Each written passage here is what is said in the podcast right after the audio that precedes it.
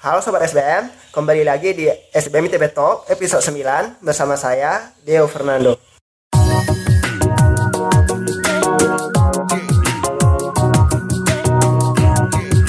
Bagi Sobat SBM ITB yang belum tahu, SBM ITB Talk adalah sebuah podcast yang membahas mengenai manajemen, bisnis, dan finance yang disesuaikan dengan isu-isu yang ramai di masyarakat. Pada episode kali ini, narasumber kita Bapak Sony Rustiadi PhD serta Palita Rana Putinagari dan Sheryl Marita.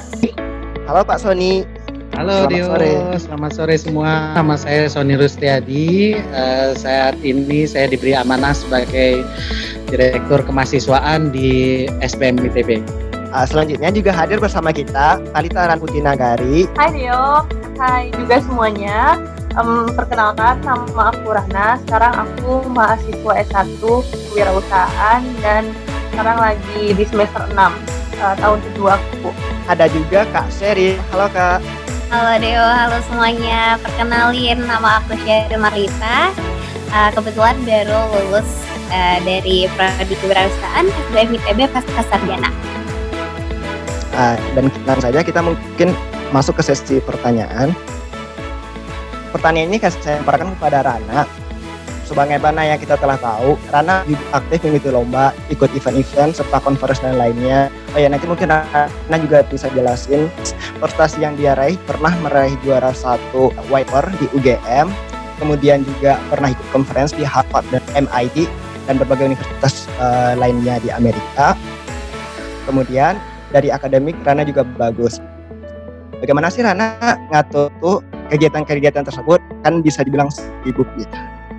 Uh, sebelum sebelumnya sebelum masuk ke time management itu sendiri, aku tuh biasanya uh, harus menanamkan satu mindset dulu. Nah, biasanya mindset yang aku tanam di uh, di waktu perkuliahan aku adalah akademik itu sebenarnya kewajiban mahasiswa nomor satu. Jadi out of other activities yang lainnya yang namanya juga mahasiswa, kita sekolah kita diberi kesempatan untuk berpendidikan uh, setelah SMA kita juga harus membalance out dari akademiknya. Jadi uh, di setiap kegiatan yang misalnya uh, harus mengharuskan aku untuk pergi keluar dan uh, izin kelas, aku tuh selalu dari jauh-jauh hari uh, ngomong ini ngomong komunikasinya kepada prodi kayak untuk minta surat izin untuk uh, oh bagaimana nanti sama dosen ini dikomunikasikan. Nanti mungkin setelah uh, setelah uh, lombanya juga aku bakal catch up lagi sama dosennya. Dan bahkan waktu aku pergi jauh jauh-jauh ke lomba gitu juga ke negeri orang aku tetap kayak catch up sama teman-teman aku nih. Um, ada ada tugas ya gitu kan selama aku pergi? Kalau misalnya dalam seminggu itu bisa dikerjakan aku tetap kerjain jadi kayak supaya nggak ketinggalan sama um, dan menelantarkan kewajiban aku di akademik tapi uh, on the contrary juga ah sebenarnya aku ini agak bosenan di kelas. Bosenan dalam hal apa? Karena uh, aku tuh sebenarnya senang sih senang belajar senang menyerap ilmu. Ya yang dari dosen-dosen SBM itu ya keren-keren ya tapi juga aku tuh nggak bisa kalau misalnya cuma menyerap ilmu aja terus mempraktekannya tuh di tugas-tugas yang dikasihkan oleh dosen jadi aku merasa bahwa oh aku dapat nih uh, ilmu keren-keren dari eh, orang-orang yang udah practitioner gitu kan aku bisa nerapinya itu di mungkin ekstrakurikuler aku nah um, kalau misalnya udah ada mindset itu sih mungkin habis itu baru ke ininya ya kayak gimana biasanya aku hmm. ngatur waktunya atau gimana kan. Yeah. Uh, mungkin untuk time management aku sendiri tuh start from small act sih kayak bikin to do list setiap harinya bahkan setiap weekend. Uh, bahkan maksudnya kayak bukan cuma to do list yang penting-penting aja tapi to do list kayak untuk rekreasi juga misalnya to do list uh, workout jam segini gitu kan. Terus nonton Korea dua jam aja sehari ini gitu kan. Biar nggak nggak nggak nggak over gitu nggak binge watching nonton Korea seharian gitu. Itu di limit gitu. Nah terus habis itu aku juga uh, tentunya menetapkan prioritas kan yang mana yang mau dikerjain dulu hari itu. Mm-hmm. nah uh, sama juga mungkin aku tuh gak suka banget menunda-nunda. Jadi uh, jadi kayak it's kalau kita lihat ya kayak otak-otak mahasiswa itu kan biasanya deadlineer deadlineer terus ya kayak mau dikasih tugas mungkin kita sama Pak Sony di awal. Awal uh, ini kan kayak semester tapi tetap aja dikerjainnya tuh kayak mungkin seminggu sebelum uh, jujur-jujur aja ya Pak Sony ya. ya begitulah mahasiswa ya. Iya. Jadi ya sering deadlineer gitu. Nah, um, daripada mungkin deadlinernya itu sesuai dengan waktu yang ditentukan, kita tentuin deadline kita sendiri gitu kan. Misalnya, oke okay nih tugas dari Pak Sony itu dikumpulkan nih bulan depan, tapi kita tahu kalau bulan depan itu kita bakal sibuk banget sama acara yang mungkin kita akan organize gitu. Jadi, oke okay, hari minggunya aku harus sudah selesai gitu. Nah, hal-hal yang kecil itu gitu sih. Dan ya um, mungkin aku lebih kepada uh, karena karena aku passion in doing it jadi kalau misalnya melakukan hal-halnya itu agak over gitu misalnya kayak harus harus um, begadang gitu untuk melakukannya aku kayak enjoy enjoy aja gitu. So ya yeah, enjoy what you do juga. Terus ada nggak sih Ran kegiatannya itu nggak sesuai uh, to do list gitu? Misalnya nonton Koreanya misalnya cuma dua jam tapi ternyata lima jam gitu terus kalau seandainya udah kejadian kayak gitu uh, strateginya buat komitmen lagi gimana tuh? Kayaknya everyone of us have done it juga ya. Kayaknya pas Sony juga kayak Cheryl juga gitu. Kayak over uh, to do list gitu. Kayak aku nggak bisa nggak bilang kalau misalnya aku setiap hari to do listnya selalu on time itu selalu uh, sesuai rencana. Karena mungkin aja ada sesuatu misalnya uh, anggap kalau di WFH gitu kan eh disuruh uh, mama cuci piring gitu kan padahal jam segini kita harus gini gitu. Uh, itu kan hal-hal yang di luar kendali. Um, tapi aku tuh kadang juga mikir uh, gitu kalau misalnya oke okay, kalau aku ini udah tertunda aku biasanya agak kontemplasi gitu sih. Misalnya kayak oke okay, kelewatan nonton Koreanya nyesel tuh kan. Nah setiap dari nyesel itu selalu bangkit lagi gitu deh. Jadi kayak uh, mungkin untuk besok harinya agak dipadetin lagi. Tapi tentunya kita juga manusia ya kak atau uh, pak ya pasti kita juga harus bersosialisasi. Kadang kita capek gitu kan gak kerja kerja mulu. Jadi um, it's like ya udah kayak bikin bikin to do listnya juga uh, kalau misalnya satu hal tidak terkerjakan kerjakan besoknya. Tapi jangan selalu ditunda-tunda gitu. Gitu sih deh oh ya berarti harus uh, kalau misalnya nggak kecapai hari ini bisa masih bisa dicapai di hari yang lain gitu ya? Mm, gitu. Nah, selanjutnya kita beralih ke kak serial. Ya kak serial standing SBM dan juga aktif organisasi founder startup serta juga juara ideologi serta banyak banyak event lainnya. Bagaimana sih kak motivasinya supaya aktif dan produktif serta memiliki banyak prestasi iya jadi kan karena sekarang tuh posisinya udah S2 ya kemarin. Yeah. Jadi aku lihat salah gitu di S1. di S1 tuh sama sekali bener-bener gak ada organisasi enggak, prestasi juga enggak gitu. Terus setelah lulus terus jadi kayak uh, kok useless banget ya kemarin S1 gitu akhirnya di S2 ini aku mencoba hal-hal baru karena ya itu tadi setelah lulus dari S1 tuh kayak bener-bener bingung. Prestasi nggak ada CV kosong. Kan karena kebanyakan di pendidikan kita itu kan menuntut kita untuk jadi um, karyawan ya Pak ya. Jadi sebelumnya tuh karena kita fokusnya ke uh, bakal kerjanya jadi karyawan gitu. Terus CV-nya jelek banget kosong gitu kan. Jadi penyesalan masa lalu motivasinya oh ya jadi bagi teman-teman yang masih S1 yang belum berprestasi nanti bisa dibiasakan S2 iya jangan menyesal kayak aku. Terus gini nih kak. Karena juga bisa jawab uh, nambahin uh, di pengalaman kakak yang juara gitu eh, yang di bisnis di event di berbagai kompetisi gitu apa sih uh, pengalaman yang berkesan serta pembelajaran yang kakak dapatkan gitu dari kegiatan-kegiatan tersebut? Um, pembelajarannya yang pertama setelah uh, masuk ke ITB, dosennya berkelas, fasilitasnya oke, teman-temannya juga berkelas semua. Maksudnya ya benar-benar yang ambis lah ya kalau bisa gitu. Nah, terus ketika masuk ke event, aku pertamanya uh, mikirnya kayak oh karena aku ITB nih aku bisa yang uh, bisa yang lebih kasih banyak. Eh ternyata enggak loh itu salah banget sih. Jadi aku pernah masuk event yang uh, yang nyelenggarain tuh memang mungkin uh, kampusnya akreditasinya B. Jadi otomatis yang uh, yang join tuh juga uh, universitas-universitas yang akreditasinya B juga gitu. Dan itu Deo, jadi pertama kali aku ke sana tuh yang dari UG, eh maksudnya yang benar-benar dari top 3 university di Indonesia ya. Wah. Itu udah bener-bener kayak yang wah ini menang nih gitu. Dan pertama kali juga kita semua nggak ada yang podium. jadi dari top 3 ini malah nggak ada yang podium. Jadi yang bisa aku ambil adalah ternyata nggak cuma kita tuh nggak bisa belajar tuh dari atas terus atas terus. Kalau uh, misalnya IPB kita bisa UI UGM apa ITS atau apa gitu enggak ternyata memang kita tuh uh, manusia yang bisa belajar dari semuanya gitu loh. Jadi mau akreditasinya B, mau A, mau AB. Eh ada nggak ya Pak ya akreditasi AB yang nggak ada ya?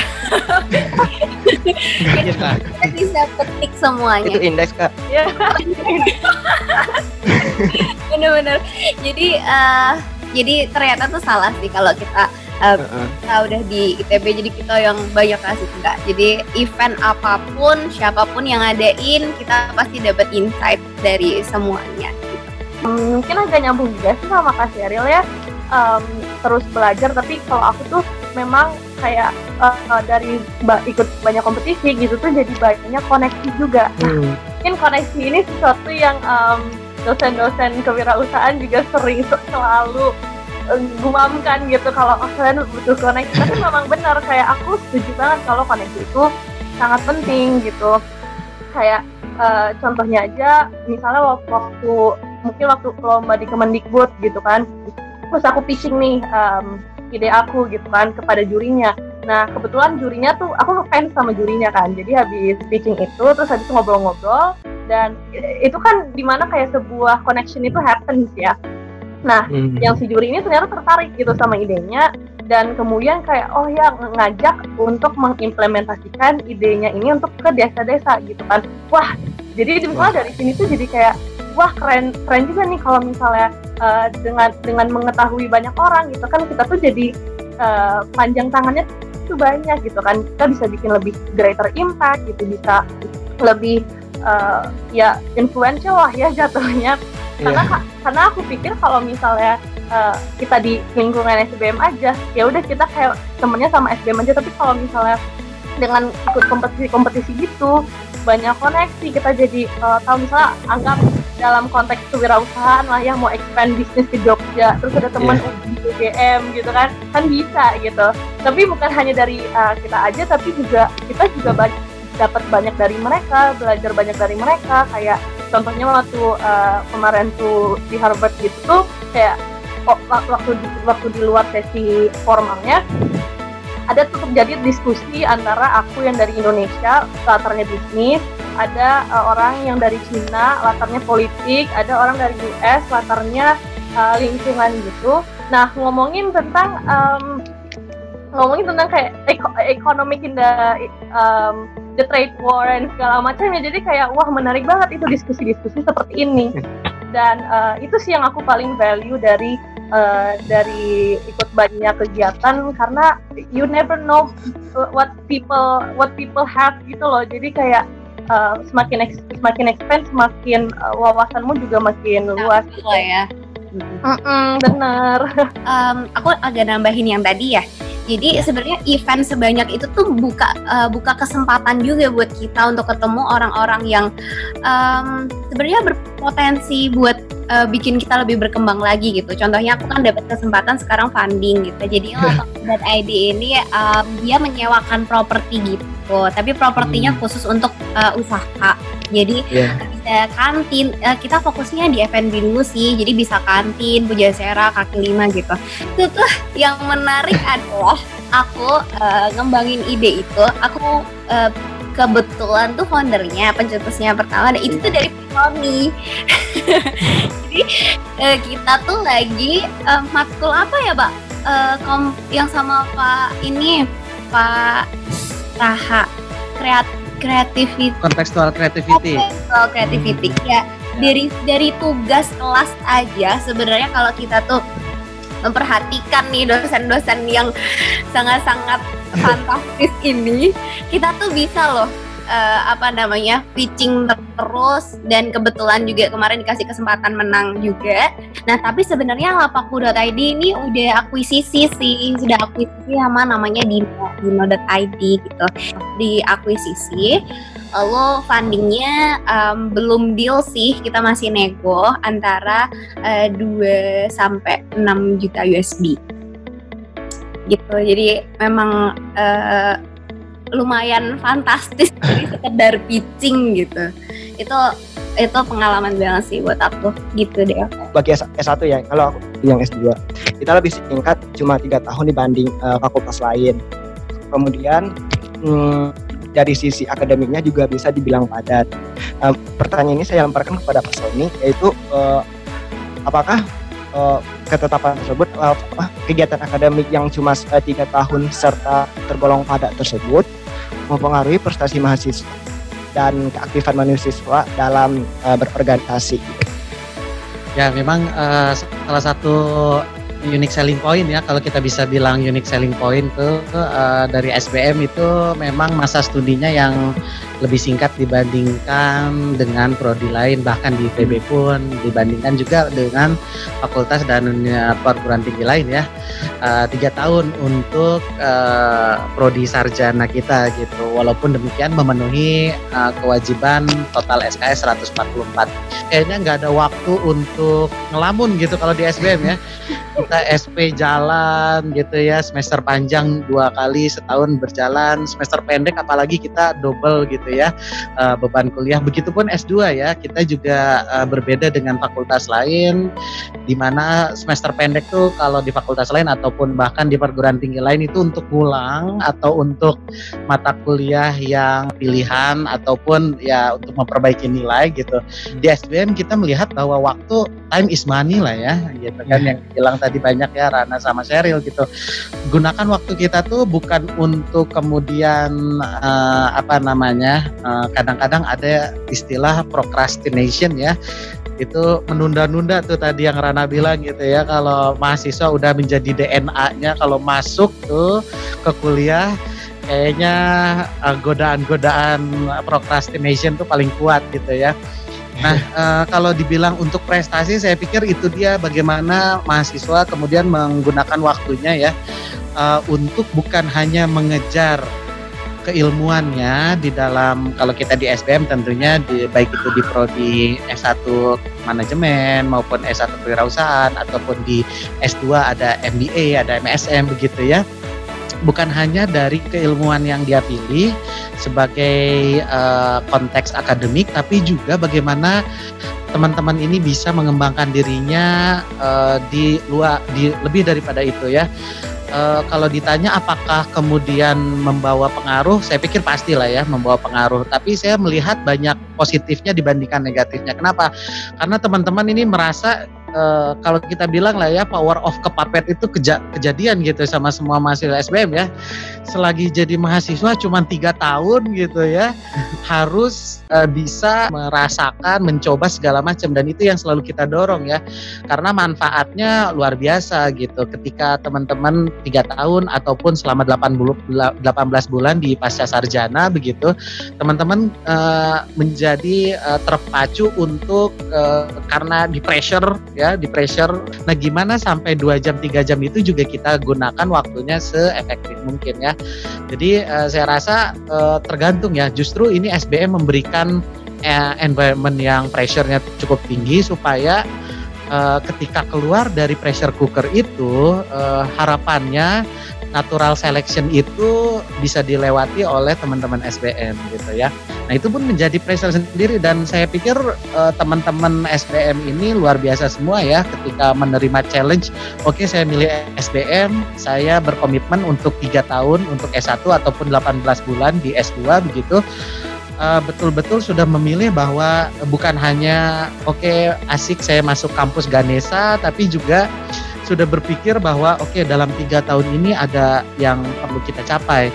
Tadi bagus juga tadi dari Sheryl gitu ya, gunakan masa mudamu gitu. Uh, oke okay lah teman-teman perlu me time, uh, teman-teman juga perlu waktu untuk misalnya apalah ya pacaran kayak ataupun bersosialisasi apa pun namanya itu gitu ya.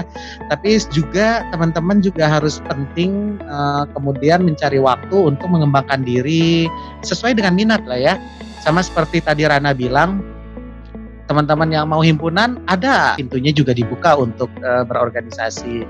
Untuk uh, unit kegiatan juga ada. Bahkan ada juga uh, mahasiswa SBM S1 yang tiga tahun sudah menjadi menteri di uh, kabinet uh, mahasiswa ya organisasi pusat di ITB jadi memang pada intinya adalah uh, kembali ke teman-teman sendiri untuk membuktikan diri gitu. Dan pada akhirnya prosesnya gini namanya proses pasti nggak langsung jadi juara. Tadi kata Sheryl juga ya udah sharing juga ya yang yang harus ditunjukkan bukan lagi CV bukan lagi oh saya lulus dari ijazah mana gitu kan ya tapi bagaimana uh, apa smart gitu ya streetwise katanya street smart gitu ya cara bekerja smart itu nggak diajarin itu di bangku kuliah. Teman-teman harus belajar smart itu dari ya tadi ya seperti Rana, seperti Sheryl bagaimana membagi waktu, bagaimana kemudian uh, bersosialisasi dan segala macam dan itu uh, saya rasa teman-teman SBM tuh uh, karena pressure-nya tadi yang tiga tahun justru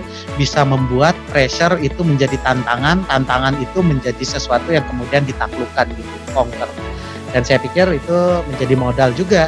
Karena uh, kebanggaan bagi kita kan sebenarnya bukan ketika teman-teman di kampus kita ya tapi ketika berkiprah di masyarakat gitu ya sesuai dengan slogannya ITB ya untuk Tuhan bangsa dan alma mater. Itu luar biasa memang slogannya dan reputasi seorang sebuah kampus gitu itu dilihat dari alumninya bukan dari mahasiswanya gitu dia. Jadi memang uh, apa namanya USP tiga tahun itu menjadi apa ya cambuk malah ya. Jadi teman-teman yang haus gitu ya. Sheryl tadi bilang S1-nya mungkin tidak terlalu diberdayakan gitu ya, digunakan waktunya. Nah, S2 juga bisa gitu. Tapi jangan nunggu S2 gitu kalau bisa hari pertama gitu ya, hari pertama masuk di perguruan tinggi gitu di ITB atau di mana pun anda berada gitu, langsung cari nih, wah apa nih yang bisa membuat saya menjadi lebih bagus gitu, minat saya di mana.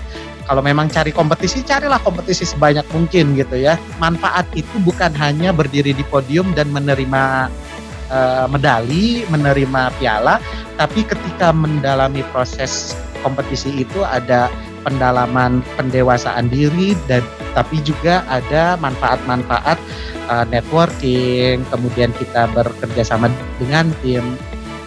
Ini ada yang menarik ya, uh, banyak perusahaan dun besar dunia sekarang sudah tidak melihat lagi ijazah katanya. Jadi melihatnya malah uh, apa kemampuan dia sebagai bekerja sebagai tim gitu. Kalau teman-teman yang mau jadi karyawan gitu ya, uh, apa namanya dilihat udah bukan lagi ijazah atau bahkan kalau kita tahu seperti Google, Amazon gitu ya, Facebook atau Apple itu melihatnya prestasimu tuh ngapain aja, udah ngapain aja selama ini gitu.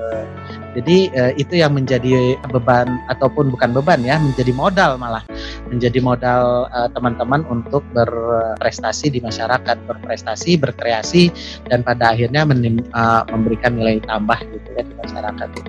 Itu dia. Bagi teman-teman juga di SBM juga udah dibuka wadah buat teman-teman yang mau aktif di organisasi, mau ikut lomba, itu dibuka selebar-lebarnya. Karena nanti walaupun kita udah lulus, yang dipentingin itu adalah apa sih yang udah kita lakuin, apa sih yang udah kita capai gitu, bukan ijazah kita, bukan enggak terlalu penting gitu. Eh, penting juga bukan tapi saja ijazah gitu ya, tapi bukan saja ijazah. Lihat juga betul apa sih Pak program uh, dari SBM sendiri uh, atau air buat meningkatkan prestasi serta keaktifan mahasiswa? Ya, memang uh, apa namanya SBM selalu mendorong ya uh, bukan hanya juga karena itu menjadi penilaian bagi kesuksesan fakultas ataupun pemeringkatan perguruan tinggi, tapi juga manfaat yang luar biasa bagi masyarakat, bagi mahasiswa gitu ya. Uh, bagi mahasiswa tentunya nanti ketika mereka di masyarakat juga akan lebih uh, cespleng gitu ya, akan lebih uh, apa berkarya lagi. Nah, kalau dari SBM sendiri memang support yang kita berikan tuh memang sangat all out ya uh, apa namanya di Direktorat Kemahasiswaan uh, kita punya program-program yang uh, memang kita coba untuk pertama mensosialisasikan gitu. Kadang mahasiswa juga belum tahu bahwa ada kesempatan buat mereka berkarya di kompetisi ataupun di uh, apa terutama uh, kompetisi ya. Kalau himpunan mungkin setiap mahasiswa pasti tahu setiap prodi pasti ada himpunannya. Jadi mereka yang senang berpolitik berorganisasi tentunya sudah tahu bahwa. Tapi kalau kompetisi itu memang agak uh, tidak semua mahasiswa lah ya aware terhadap manfaat dan juga motivasi untuk mengikuti. Padahal kompetisi itu juga penting. Jadi uh, terutama di Direktorat Kemahasiswaan kita mencoba mendorong partisipasi aktif uh, bukan hanya uh, sebagai dengan tujuan bahwa mereka menjadi juara tapi mendapatkan manfaat.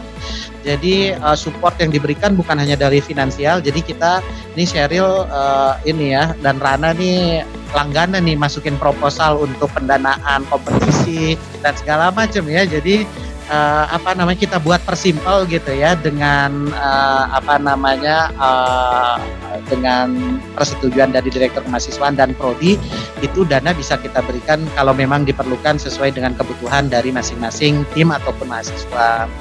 Kemudian juga uh, bukan hanya dari segi finansial, uh, SBM juga mengerahkan membuka diri seluruh dosen resource yang kita punya, baik itu dosen, mentor dan segala macam kita gunakan, kita buka kesempatan bagi mahasiswa untuk mengakses gitu ya baik itu mahasiswa di sarjana maupun di pasca sarjana ketika mereka ingin ikut kompetisi ataupun mempersiapkan diri untuk pitching begitu ya. Uh, ataupun mempersiapkan diri untuk apa pun kegiatan ekstrakurikuler gitu ya. Seluruh dosen itu siap untuk di engage oleh mahasiswa gitu ya.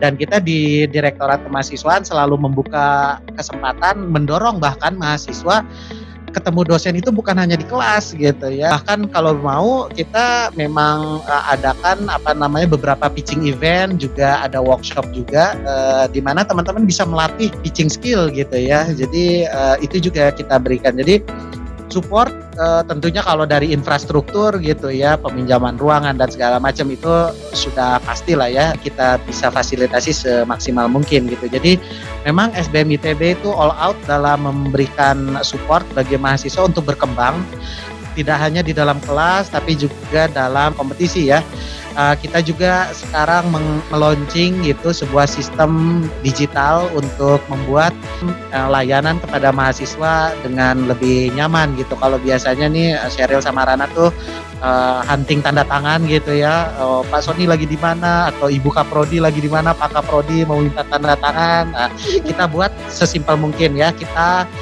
uh, administrasi itu penting tapi birokrasi kita usahakan sependek mungkin. Sehingga teman-teman juga sudah nggak terlalu pusing terhadap wah gimana nih timingnya apa segala macam tapi lebih konsentrasi terhadap kompetisi daripada ke administratif. Kita juga punya apa namanya koordinator kompetisi ya Mas Dani gitu yang memang uh, secara telaten gitu ya bisa dikontak oleh siapa pun di mahasiswa SBM yang memang perlu untuk uh, diskusi atau bahkan Pak saya perlu saya nggak berani minta Pak misalnya siapalah Bapak X, Bapak Y gitu.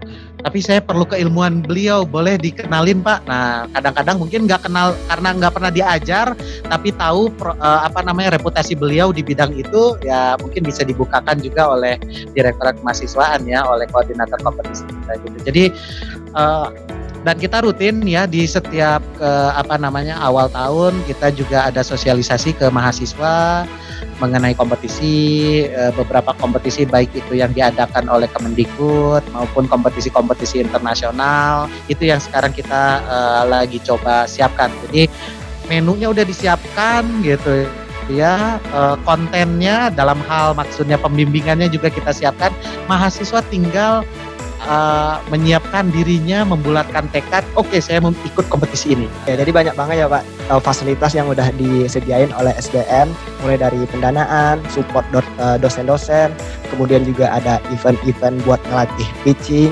juga ada platform ya Pak yang lagi disediain buat uh, pengurusan administrasi lainnya. Dan ini Pak pertanyaan terakhir, uh, bagaimana Pak uh, bagi kita mahasiswa untuk bisa berprestasi aktif uh, di tengah kesibukan ini gitu, di tengah kesibukan perkuliahan.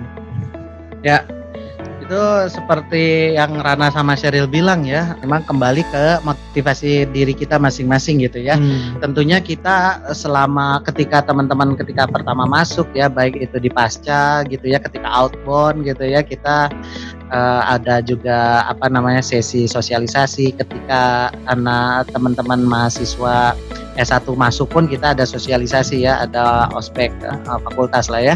Nah, itu selalu kita motivasi. Pertama itu memang paling penting adalah motivasi. Jadi kalau motivasinya itu tidak diinformasikan dengan baik dengan segala apa potensi yang mungkin bisa diambil, mungkin bisa dinikmati, saya bilang dinikmati ya. Mungkin ketika Rana sama Sheryl menjalanin, wah repot, bingung dan segala macam. Tapi itu proses ya kalau sekarang mungkin Sheryl udah jadi uh, apa namanya udah lulus malah mungkin kangen ya untuk iya. sibuk gitu ya gitu uh, ketika masuk ke SPM gitu ya uh, memang motivasi itu yang perlu kita bangun pertama kali ya motivasi itu didapat dari informasi yang diberikan gitu yang diterima. Jadi kalau informasinya oh iya yang penting ITB yang penting ijazahnya adalah ITB ah pasti dapat uh, apa namanya kerjaan ataupun nanti kalau mau bisnis pasti dapat network. Enggak itu semua perlu perjuangan. Nah itu motivasi itu yang kita berikan di dalam sosialisasi sosialisasi awal. Setelah mendapat motivasi tentunya yang kedua adalah selama tiga tahun itu kita bukan istilahnya kita bukan sprint ya bukan sprint tiga tahun itu adalah estafet. Jadi kita menjaga ritme kita ketika bekerja itu jangan dihabisin, oh, semester satu diambil semua apa segala macam, tapi semester dua tiganya memble gitu ya. Jadi kita harus maintain juga nih ya motivasi kita, semangat kita dan juga energi kita bahwa menghadapi kuliah mungkin kalau di SBM tiga tahun, di fakultas lain atau di perguruan tinggi lain eh, empat tahun dan segala macam itu kita bersiap untuk maraton. Nah, nah, di sini kalau ada yang runners mungkin tahu gitu strategi untuk maraton dengan esta, dengan sprint sprint itu beda gitu ya. Atmosfer yang dibangun juga berbeda dan itu yang perlu kita siapkan. Jadi pertama motivasi, yang kedua adalah bahwa kita harus memaintain semangat kita, memaintain uh, motivasi kita, memaintain strategi kita juga gitu ya. Saya uh, yang ketiga ketika teman-teman sudah mengalami sebuah ya kalau seperti grafik gitu ya, kalau sudah punya puncak itu harus ada rilis dulu nih ya ada rilis gitu ya. Jadi rilisnya misalkan sudah ikut kompetisi atau sudah punya suatu tugas yang uh, berat yang selesai take your time to pat yourself in the back gitu ya untuk congratulate yourself walaupun mungkin winningnya sedikit ataupun pekerjaannya dianggap tidak terlalu signifikan atau remeh bagi orang tapi kalau kamu berjuang kalau kamu memberikan energi untuk kegiatan itu ketika sudah kulminasi coba agak sedikit distressing. Jadi ada refreshing juga, ada me time, ada enjoy time lah ya.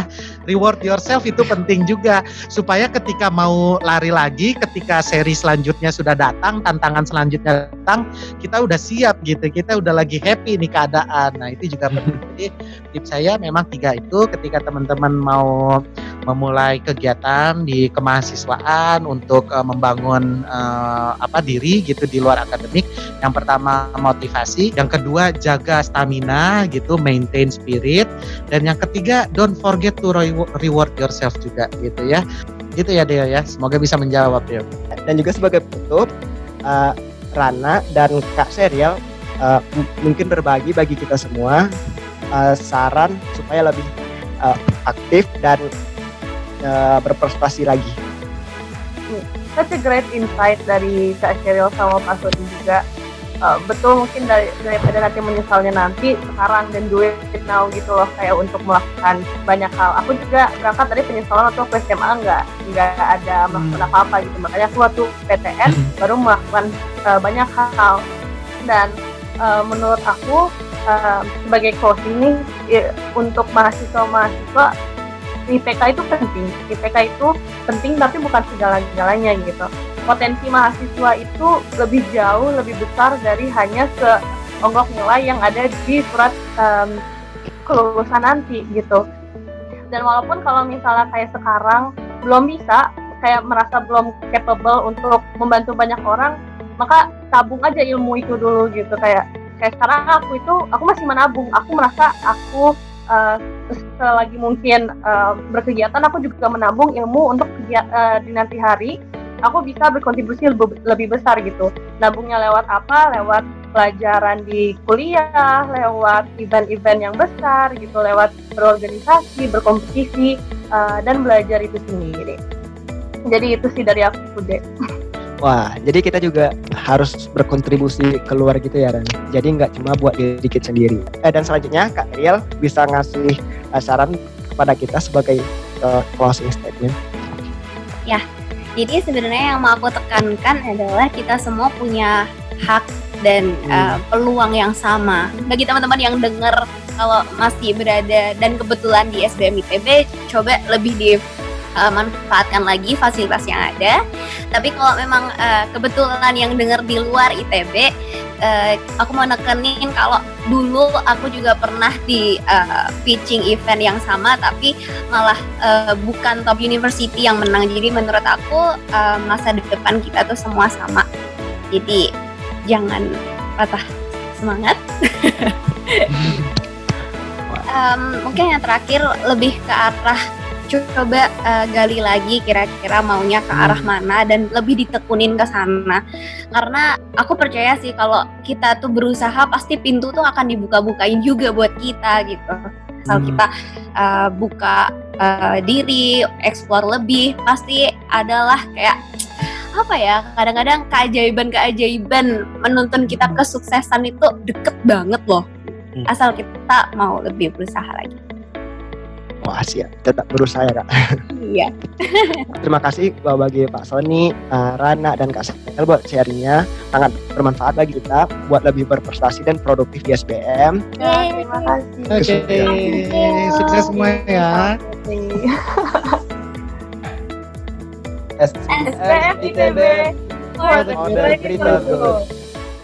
Bagi sobat SBM, jangan lupa buat subscribe, komen, like, dan share buat mendukung channel ini.